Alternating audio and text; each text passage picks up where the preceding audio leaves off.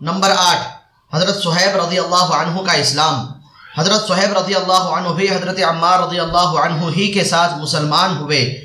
نبی اکرم صلی اللہ علیہ وسلم، حضرت ارقم صحابی رضی اللہ عنہ کے مکان پر تشریف فرما تھے کہ یہ دونوں حضرات علیحدہ علیحدہ حاضر خدمت ہوئے اور مکان کے دروازے پر دونوں اتفاقیہ اکھٹے ہو گئے۔ ہر ایک نے دوسرے کی غرض معلوم کی، تو ایک ہی غرض یعنی اسلام لانا۔ اور حضور صلی اللہ علیہ وسلم کے فیض سے مستفید ہونا دونوں کا مقصود تھا۔ اسلام لائے اور اسلام لانے کے بعد جو اس زمانے میں اس قلیل اور کمزور جماعت کو پیش آتا تھا، وہ پیش آیا۔ ہر طرح سے ستائے گئے، تکلیفیں پہنچائی گئیں۔ آخر تنگ آ کر ہجرت کا ارادہ فرمایا۔ تو کافروں کو یہ چیز بھی گوارا نہ تھی کہ یہ لوگ کسی دوسری ہی جگہ جا کر آرام سے زندگی بسر کر لیں۔ اس لیے جس کسی کی ہجرت کا حال معلوم ہو جاتا تھا اس کو پکڑنے کی کوشش کرتے تھے کہ تکالیف سے نجات نہ پا سکے۔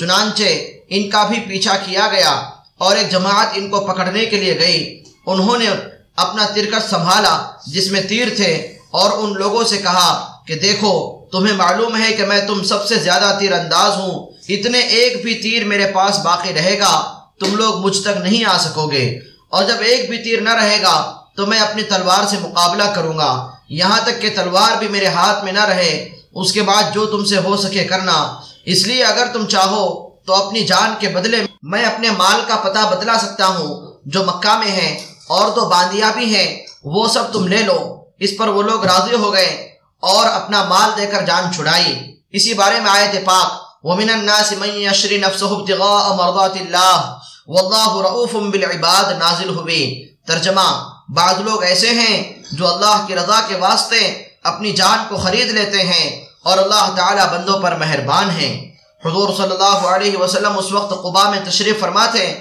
صورت دیکھ کر ارشاد فرمایا کہ نفع کی تجارت کی۔ صہیب رضی اللہ عنہ کہتے ہیں کہ حضور اقدس صلی اللہ علیہ وسلم اس وقت کھجور نوش فرما رہے تھے اور میری آنکھ دکھ رہی تھی۔ میں بھی ساتھ کھانے لگا۔ حضور صلی اللہ علیہ وسلم نے فرمایا کہ آنکھ تو دکھ رہی ہے اور کھجورے کھاتے ہو۔ میں نے عرض کیا کہ حضور اس آنکھ کی طرف سے کھاتا ہوں جو تندرست ہے۔ حضور صلی اللہ علیہ وسلم یہ جواب سن کر ہنس پڑے۔ حضرت صحیب رضی اللہ عنہ بڑے ہی خرچ کرنے والے تھے۔ حتیٰ کہ حضرت عمر رضی اللہ عنہ نے ان سے فرمایا کہ تم فضول خرچی کرتے ہو۔ انہوں نے عرض کیا کہ ناحق کہیں خرچ نہیں کرتا۔ حضرت عمر رضی اللہ عنہ کا جب وصال ہونے لگا تو انہی کو نماز جنازہ پڑھانے کی وصیت فرمائی تھی۔